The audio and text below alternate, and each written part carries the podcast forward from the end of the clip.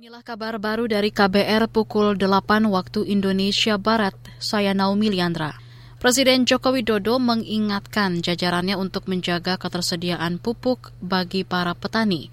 Arahan Presiden itu disampaikan Menteri Pertahanan, sorry, Menteri Pertanian Syahrul Yasin Limpo usai rapat terbatas di Kompleks Istana Kepresidenan Jakarta kemarin. Bapak Presiden sangat mewanti-wanti kami yang berkait dengan pupuk, ada pupuk Indonesia dari BUMN, ada Badan Pangan Nasional kita Pak Arief dan Menteri Keuangan, Menteri Perindustrian dan Menteri Pertanian langsung ditanyai satu persatu oleh Bapak Presiden terhadap seperti apa pupuk ini. Karena setiap Bapak Presiden turun selalu pertanyaannya tentang pupuk.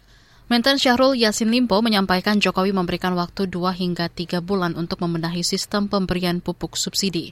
Syahrul mengatakan bakal memvalidasi data 9,1 juta ton pupuk sesuai dengan kondisi di lapangan, sehingga penyalurannya bisa tepat sasaran. Tenaga kerja food estate atau lumbung pangan 3 bulan tidak menerima upah. Manajer Advokasi dan Kajian Walhi Kalteng, Janang Firman, mengatakan menerima aduan itu dari masyarakat terkait banyaknya permasalahan dalam program food estate dari pemerintah. Setelah itu juga ada permasalahan terkait tenaga kerja yang merusak lahan, proyeknya gagal. Hasil monitoring kami uh, dari keterangan beberapa warga menyatakan bahwa ada beberapa pekerja di situ yang tidak dibayar, sekitar tiga bulan tidak dibayar. Bahkan mereka pulang di situ tanpa membawa bekal. Manajer Advokasi dan Kajian Walhi Kalteng, Janang Firman juga menyebut sejumlah tenaga kerja mengeluh lantaran tidak adanya kejelasan sistem kerja, hingga dengan perhitungan upah yang tepat untuk para pekerja. Janang menambahkan banyak pekerja food estate yang memilih pulang dan tidak melanjutkan kerjanya di program ini. Kita ke Liga Champions. Napoli melaju ke babak perempat final setelah dini hari tadi menundukkan Eintracht Frankfurt 3-0.